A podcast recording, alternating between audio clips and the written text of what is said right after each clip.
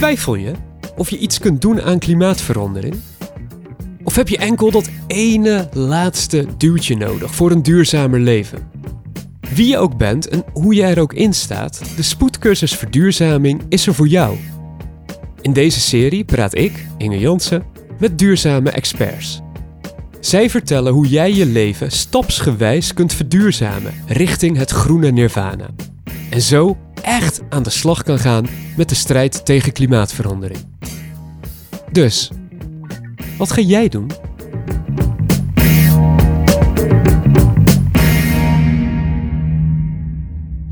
Welkom bij de vijfde stap van deze podcastserie.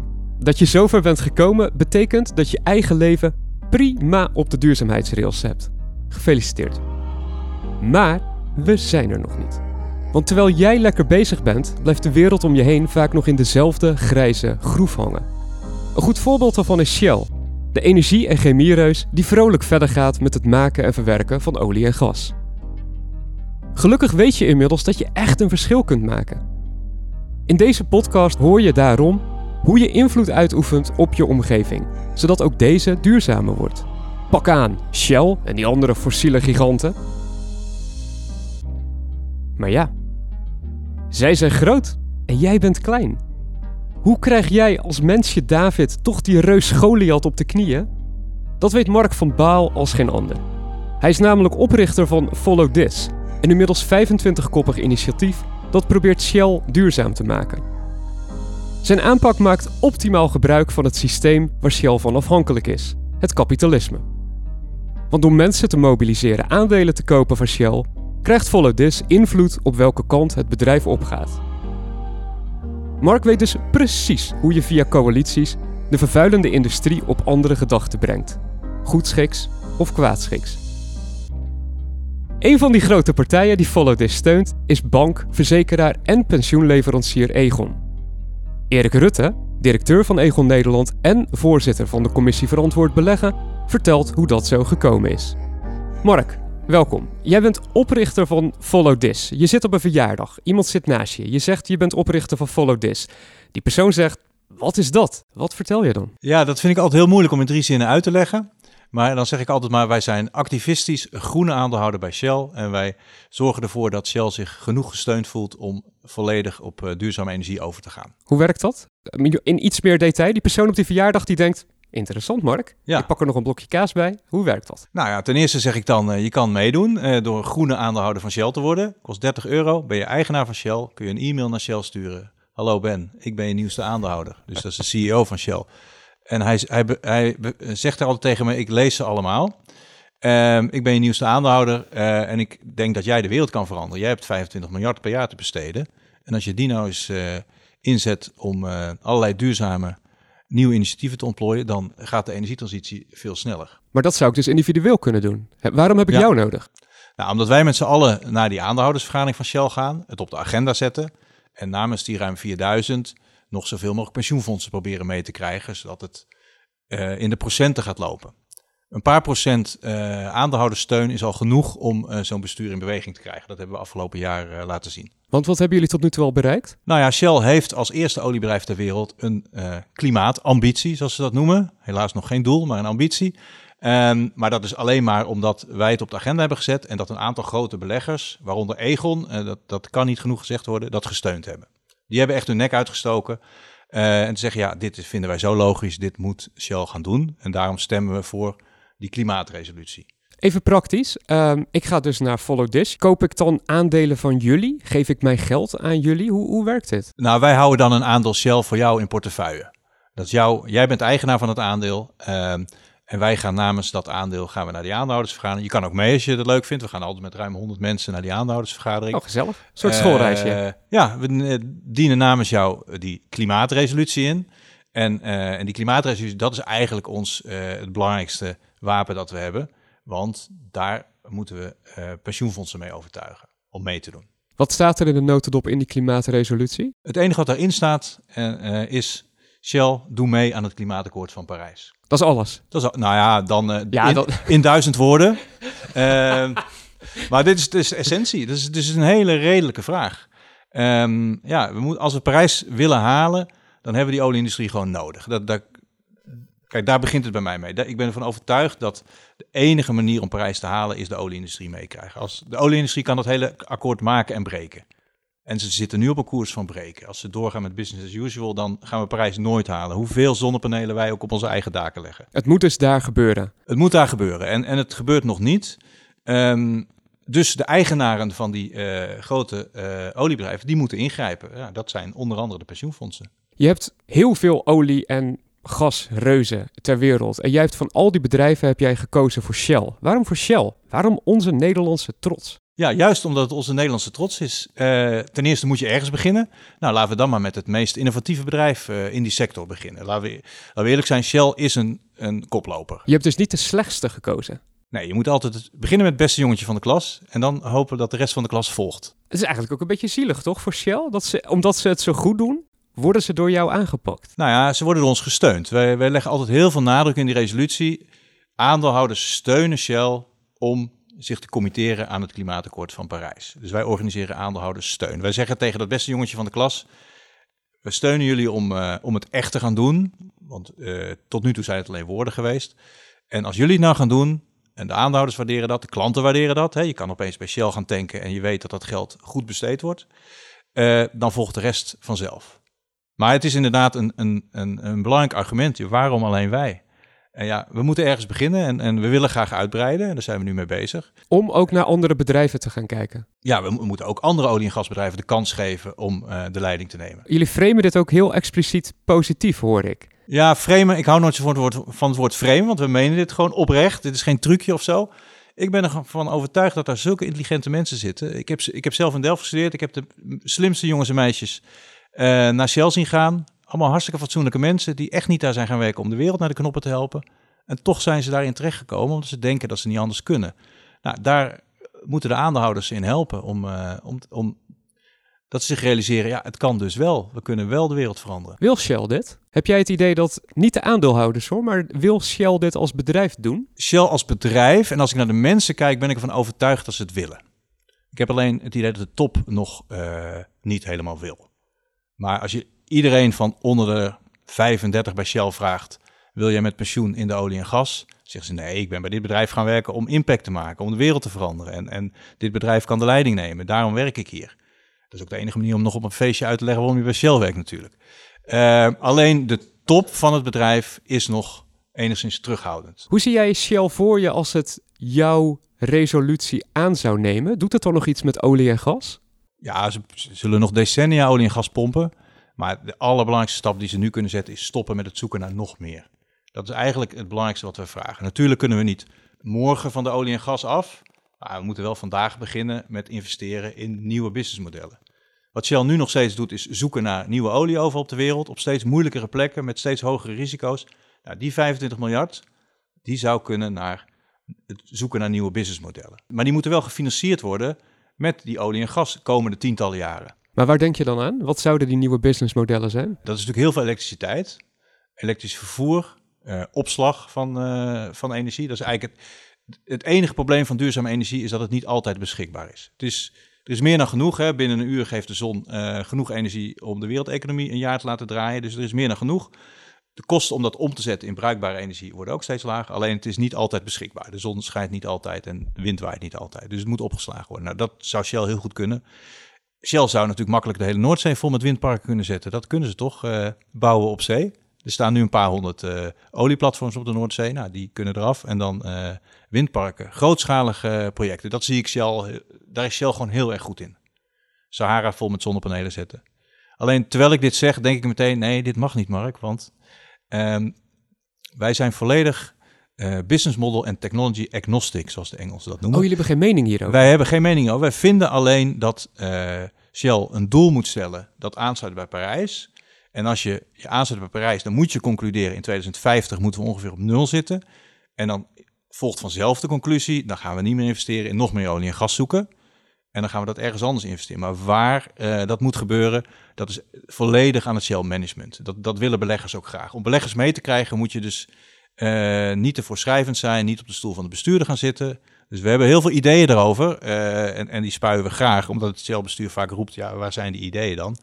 Maar uiteindelijk eh, vragen we die beleggers alleen maar Shell te steunen om dat doel te stellen en daar zijn eigen conclusies uit te trekken. Wij weten de conclusies al, alleen dat, eh, dat gaan we Shell niet vragen. Je zei, we hebben nu 4000 aandeelhouders. Hoe groot is daarmee jullie invloed op Shell? Nou, blijkbaar zo groot dat eh, Shell nu een klimaatambitie heeft. En ze hebben beloofd hun CO2-uitstoot te halveren in 2050. En hiervoor was dat nog niet het geval? Hiervoor was helemaal niets. En zij hebben ook expliciet gezegd dat dit te maken heeft met Follow This? Nou, dat heeft Ben van Beurden, de CEO van Shell, één keer schoorvoetend uh, toegegeven in een interview met The Guardian. En ehm, uh, maar dat is, uh, daar is vriend en vijand het over eens. Dat de enige reden is dat Shell een klimaatambitie heeft, is dat dat omdat uh, ze daartoe gedwongen werden door de grote Nederlandse beleggers. Vooral grote Nederlandse beleggers. Dus wij, wij, zetten die resolutie op de agenda. Dan zegt het Shell-bestuur tegen zijn aandeelhouders: je moet ons steunen door tegen die resolutie te stemmen. Normaal doet 99,9% dat. Nu stemt, 7%, stemt 6% voor die resolutie. 5% onthoudt zich. Dus dan meer dan 10% volgt dat advies van het Shell-bestuur niet. Met name grote Nederlandse beleggers. En, eh, laat ik ze maar een keer opnoemen, want dat zijn toch wel de helden van dit verhaal. Uh, Actiam, MN, Egon, uh, Blue Sky, um, om, om, om het drie te noemen. Van Landschot Kempen. Um, nou, die steunen dit allemaal. En, um, en daar moest het Shell-bestuur op reageren. En dat hebben ze gedaan door het stellen van een klimaatambitie. Dit doen ze, publiekelijk. Ja. Hoe staat Ben van Beurden, de directeur van dit bedrijf, hoe staat hij hier tegenover? Haat hij jou of heeft hij zoiets stiekem achter de schermen? Ik ben er eigenlijk wel blij mee. Dat hoor ik ook wel eens van mensen die dicht bij dat Shell-bestuur zijn. Die zeggen, ja, ik denk dat de Shell-top uh, het meer met jou eens is uh, dan ze publiekelijk kunnen toegeven. Het enige probleem is, ze zijn banger voor hun Amerikaanse aandeelhouders dan ze zijn voor jou. Dus ik hoop dat het zo is. Dan moeten er, als er meer aandeelhouderssteun is, dat hij daadwerkelijk wil. Um, maar ik heb nog wel eens het idee dat de, het voorstellingsvermogen in die Shell-top, mensen die al meer dan 30 jaar lang heel succesvol zijn in het olie en gas uit de grond halen en verkopen, dat die zich nog niet kunnen voorstellen dat we er echt vanaf kunnen van olie en gas. Dat daar, dat daar eigenlijk het grootste, de grootste drempel ligt. Het voorstellingsvermogen dat het echt anders kan. Krijg je ook wel eens negatieve reacties? Uh, dat jij weer een grote verzekeraar hebt binnengehaald. En dat je opeens met krantenletters uitgeknipte dreigbrieven krijgt uh, van mensen bij Shell? Of? Nee, wij, zijn, wij worden niet, nee, wij worden absoluut niet bedreigd. Nee, Shell uh, uh, behandelt ons met alle EGA's. dus we, we, zitten natuurlijk regelmatig bij Shell. Nee, nee daar, daar, daar is Shell ook veel te fatsoenlijk voor. En de bedrijven die zich bij jullie aansluiten, horen jullie daar wel eens van, nou, Shell was hier niet blij mee? Ja, dat hoor ik er regelmatig. Ja. Bellen ze dat na? Hebben ja, ze dan, bellen ze, dan, bellen ze, dan wordt de CEO wel even gebeld. Uh, van ja, je hebt voor die resolutie gestemd. Dat, uh, daar zijn we niet blij mee. Wow. En dat is. Uh, een, ik zat pas tijdens een etentje naast een oud minister. En die. Ehm, toen hoorde ik dat, het, dat de Shell top dat gewoon gewend is. Dat ze even iemand bellen die wat kritisch is. Die minister zei: Ik had een keer in een interview iets kritisch over Shell gezegd. En dan uh, diezelfde middag word ik even gebeld door de directeur van Shell om even te vragen waarom ik dat gezegd heb en uh, dat het toch niet de bedoeling is. Dus, dus dat bedrijf is zo uh, machtig en zo dat, ze, dat, dat, dat ze dat normaal vinden. Dus ook die beleggers die ons steunen worden echt wel bewerkt. Hoor ik af en toe, hoor ik hoor het nooit rechtstreeks, maar die, die worden echt wel gevraagd van is dat nou wel zo verstandig om, om tegen ons te stemmen. Ja, ze hebben het zelf over zich afgeroepen. Een belangrijke manier voor Follow This om invloed te krijgen op Shell is via pensioenfondsen. Waarom zijn pensioenfondsen zo belangrijk? Omdat die met z'n allen eigenaar zijn van die olie- en gasbedrijven en omdat die een enorm groot belang hebben bij het stoppen van klimaatverandering. Hoe praat jij op die grote pensioenfondsen in? Wat is jouw uh, lobbytruc? We heten activistische aandeelhouders, maar eigenlijk willen we helemaal niet zo genoemd worden. Je ziet het ook, ik heb keurig een pak en een das. Uh, um, en daar voel ik me ook in thuis en ik voel me ook thuis in die financiële argumenten.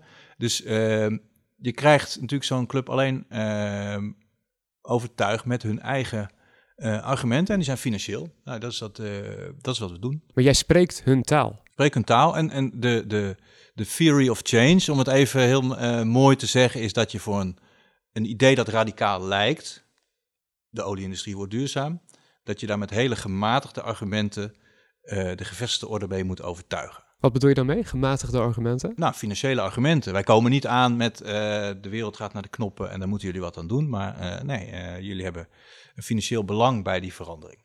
Maar om een radicaal idee, wat het toch is. Hè? De olieindustrie stopt met het zoeken naar nog meer olie. Om dat voor elkaar te krijgen, heb je gewoon een hele gematigde manieren en gematigde argumenten nodig. Want dat zie je natuurlijk vaak gebeuren, dat activistische partijen, dat die vaak met een onmogelijke eis komen. Dat heel de industrie weg moet en dat alles anders moet in één keer. Daarvan heb je dus blijkbaar geleerd of ingezien dat gaat het verschil niet maken. Ja, het grappige was toen ik, ik was hier al mee bezig toen ik een boek las over uh, mensen die veranderingen hebben gebracht. En daar kwam ik Lucy Stone ook tegen. En toen dacht ik, ja, dit is precies wat wij aan het doen zijn. Uh, de gevestigde orde meekrijgen in een, uh, wat, uh, in een wat lijkt, een, radicaal idee lijkt.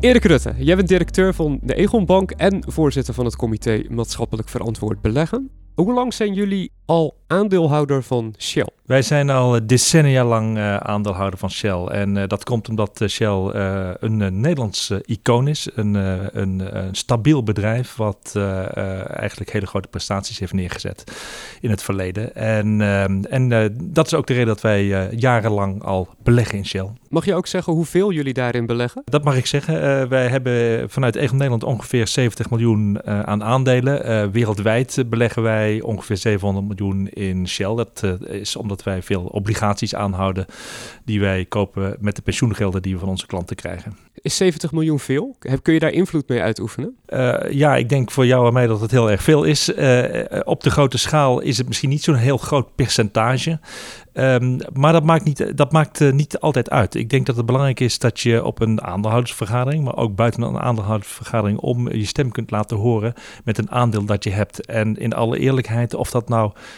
50, 100 of 500 miljoen is, uh, dat maakt niet altijd uit. Deden jullie dat al voordat je in contact kwam met Follow This? Dat je ook je stem liet horen op aandeelhoudersvergaderingen? Zeker, zeker. Dat is uh, een praktijk die we uh, ook al jarenlang aanhouden. er zijn veel aandeelhoudersvergaderingen. soms gaat het over milieuzaken zoals hier, het, Parijs, het Parijse akkoord. Soms gaat het over stukjes corporate governance. Dat kan, kan veel kanten opgaan. En wij proberen altijd ons geluid te laten horen. En toen was daar opeens Mark van Follow This. Die kwam, hoe, hoe gaat zoiets eigenlijk? Belt hij bij je aan? Ja, dat is een, uh, dat is een hele goede vraag. Uh, hij heeft uh, aangebeld bij, bij Egon. en dan komt er in een grote bedrijf als het onze een, iets op gang. Mark heeft gesproken met medewerkers bij ons die zeg maar, op dagelijkse basis met het onderwerp verantwoord ondernemen en maatschappelijk verantwoord beleggen bezig zijn. heeft iets gesprek gezocht. Zo'n medewerker zoekt dan vervolgens contact met mij. Goh, ik heb een leuk gesprek gehad. en wat aan de orde werd gesteld is Shell, de resolutie uh, onder andere en uh, de doelstelling van Follow This. Hoe kijken we daar tegenaan? En uh, wat zeg ik dan? Dan zeg ik van, goh, ehm, ik denk dat het goed is dat we dat weer eens een keertje heel actief agenderen. Op onze agenda maatschappelijk verantwoord beleggen. Want ja, je hebt een aantal vaste topics. Uh, die bespreek je. Maar uh, Mark en, uh, en de mensen rondom Mark, die doen wat anders. Die, die heffen zeg maar de rode vlag af en toe op in, in de maatschappij. Om ons heen van jongens, dit is een echt belangrijk onderwerp. en daar luisteren we dan ook naar. En dat is, gaat het niet zozeer over Follow This. Dat kan een vakbond zijn. Dat kan ook een werkgeversorganisatie zijn. Dat kan van alle kanten komen. Maar um, ik denk dat het nut van, van Mark en organisaties die Mark leidt is dat zij een uh, signaalfunctie hebben voor uh, bedrijven zoals wij. Wat waren oorspronkelijk jouw vraagtekens? He, jouw collega's kwamen bij jou, die zeiden, nou, ik heb nou iemand gesproken, dat is een leuk idee. Jij ging daar naar kijken en toen dacht jij... Nou, weet je, laat ik eerst een compliment maken, want uh, dat, dat is ook persoonlijk. Het compliment uh, naar Mark en, uh, en zijn mensen. Je voelde gewoon dat er passie zat achter wat hier gebeurde. En wat iemand ook doet, als mensen iets met passie doen, dan voel ik al een verplichting bijna om er toch even goed naar te luisteren. Dus dat is misschien even een compliment richting Mark. Maar ook wel een tip naar de luisteraar toe. Dat als Zeker. zij iets willen doen, wees daar vooral heel erg gepassioneerd over. Wees gepassioneerd, wees authentiek in wat je, wat je wilt. Uh, uh, en verplaats je ook in de positie van uh, met, wie je, met wie je gaat praten. Want dan kom ik meer op het inhoudelijke antwoord. Wat mij heel erg aanstond, is dat Follow This een realistische aanpak heeft gekozen. Um, en een van de belangrijkste dingen waarom wij hier achter zijn gaan staan, is dat de resolutie is veranderd van 2017 op 2018. en wat is er veranderd? Een van de belangrijkste dingen is dat er aan Shell de ruimte werd gelaten om uh, zelf te bepalen hoe zij de klimaatdoelstellingen van Parijs willen halen. Uh, er werd gezegd van, we hebben afgesproken als Nederland, als, uh, met, een, met een aantal bedrijven, we stellen ons achter die klimaatdoelstellingen en dan moet je ook leveren. Dat is eigenlijk wat die resolutie wat mij betreft zegt. Um, maar vervolgens is niet gezegd, en dat ga je zo en zo doen Shell. Uh, nee, er is gezegd van uh, uh, kom naar die doelstellingen toe van, van 2050 en bepaal voor jezelf wat de maatstaven zijn waaraan we kunnen toetsen of je als Shell daar ook gaat komen. Waarom was dat zo belangrijk voor jou? Als je een bedrijf runt, en zeker een bedrijf als Shell, dan heb je zoveel stakeholders, uh, belanghebbenden eigenlijk om je heen. En uh, dat is niet alleen Mark van Baal met Follow This. Jammer. Dat is, dat is misschien jammer voor Mark, maar zo, zo is, zit het leven wel in elkaar. Je hebt ook een aandeelhouder, uh, je hebt ook medewerkers, je hebt vakbonden. En die doelstellingen zijn niet altijd allemaal op hetzelfde moment aan elkaar gelijk. En als je geen enkel oog hebt voor het feit dat een bestuurder van een groot bedrijf met al die stakeholders tot een, een goede uh, zaak moet komen, ja, dan, dan heb je eigenlijk al de helft van je goede zaak verloren. Want dan wordt het bijna een onmogelijkheid. Jullie zijn sinds dit jaar mag ik zeggen, lid, abonnee, aandeelhouder via Follow This bij Shell. Wat is er in die periode gebeurd voor jullie? Zijn er bijvoorbeeld pensioeninleggers geweest die zeiden, nou nou Egon, moet dat nou wel? We hadden het over alarmvlaggen. Uh, een andere alarmvlag of een rode vlag of een waarschuwingsvlag uh, komt altijd van je klanten die uh, zeggen van ik heb gelezen in de krant dat. Uh, dat kan overigens over Follow This zijn geweest. Wat doen wij als Egon? Wat, uh, wat doen jullie voor mij daaraan? Want het zijn mijn pensioengelden die belegd worden. Um, en dat is dus ook wat bij ons regelmatig voorkomt. Dan hebben we gesprekken met onze klanten. En wat wij zien is dat die duurzaamheidskalender een steeds belangrijker kalender bij onze klanten wordt. En zij zijn tevreden met deze keuze? Je kunt nooit voor al die klanten spreken.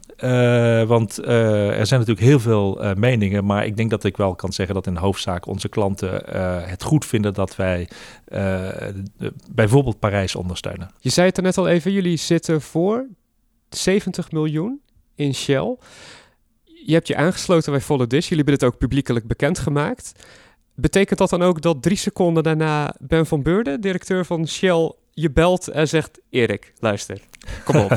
hey. Ik heb, ik heb geen telefoontje van Ben gehad. Uh, nee, zo, zo werkt het denk ik niet. Uh, er zijn natuurlijk altijd contacten tussen Shell en, uh, en Egon en andere grote bedrijven, maar dat gaat echt niet alleen maar hierover.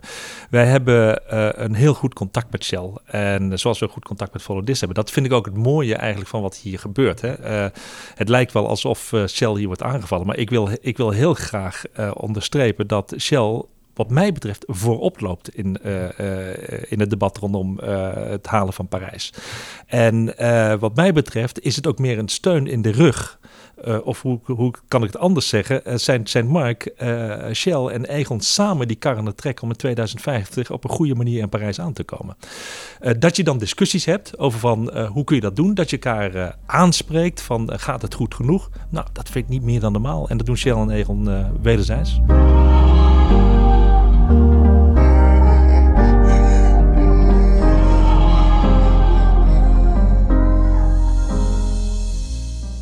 Jij bent, zo gezegd, een beroepsprater, een lobbyist. Iemand die door gesprekken probeert belangrijke beslissingen te beïnvloeden.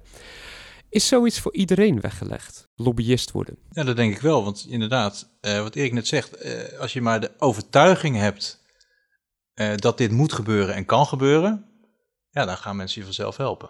Dat is mijn belangrijkste ervaring met Follow This. Dat je, als je gewoon als je mensen kan overtuigen van jouw overtuiging, nou, dan gaan ze helpen. Wat is een hele goede eigenschap voor een lobbyist? Ja, altijd vriendelijk en fatsoenlijk blijven, denk ik. Uh, dus uh, niet boos worden. Ook al moet je af en toe je tong eraf bijten. Um, ja, om bijvoorbeeld te noemen, ik heb heel vaak gehoord uh, bij grote beleggers. Ja, maar wat jij vraagt aan Shell om verantwoordelijkheid te nemen voor de uitstoot van hun klanten, ja, dat kan niet. Ehm, Shell weet niet wat hun klanten met die producten doen. Dus daar kunnen ze geen verantwoordelijkheid voor nemen. Nou ja, dan bijt ik mijn tong eraf. Eén keer heb ik mijn geduld verloren. Ik zeg, jongens, ik denk dat, dat die klanten het verbranden. Wat denken jullie? Maar goed, dat moet je niet te vaak doen. Ik zit nog even verder te denken. Het belangrijkste is dat je gewoon met goede argumenten komt. Um, en uh, de mensen waarmee je praat de tijd geeft om uh, zich te laten doordringen van die argumenten. Je zit, ik zit ook vaak met mensen te praten die gewoon helemaal geen interesse hebben in onze argumenten. Want ja, Shell heeft het immers geadviseerd om eh, tegen ons eh, te stemmen. Wat doe jij dan als je merkt, oké, dit is een muur? Ja, nou ja, dan ga ik weer heel moe naar huis. dat valt me wel eens op dat ik soms een meeting heb gehad. Dat ik denk, hoe kan het nou dat ik opeens zo moe ben als ik in de lift sta? Nou, dat komt dan daardoor dat je met mensen praat die niet in verandering geloven. Ehm, ja, en, uh, maar toch maar blijven aankloppen. Er was één grote belegger waar ik op een gegeven moment zei, daar ga ik gewoon niet meer naartoe. Het kost me te veel energie. En, uh, en toen zei een van, uh, van onze jonge medewerkers, zei, nee Mark, we blijven gaan. Oké, okay. ik zeg, als jij dan nog een goed verhaal houdt, heb ik nog een beetje lol daar. dus dat zijn we blijven doen. Dus ja, je moet wel blijven aankloppen, zeg maar. En je moet ook gewoon...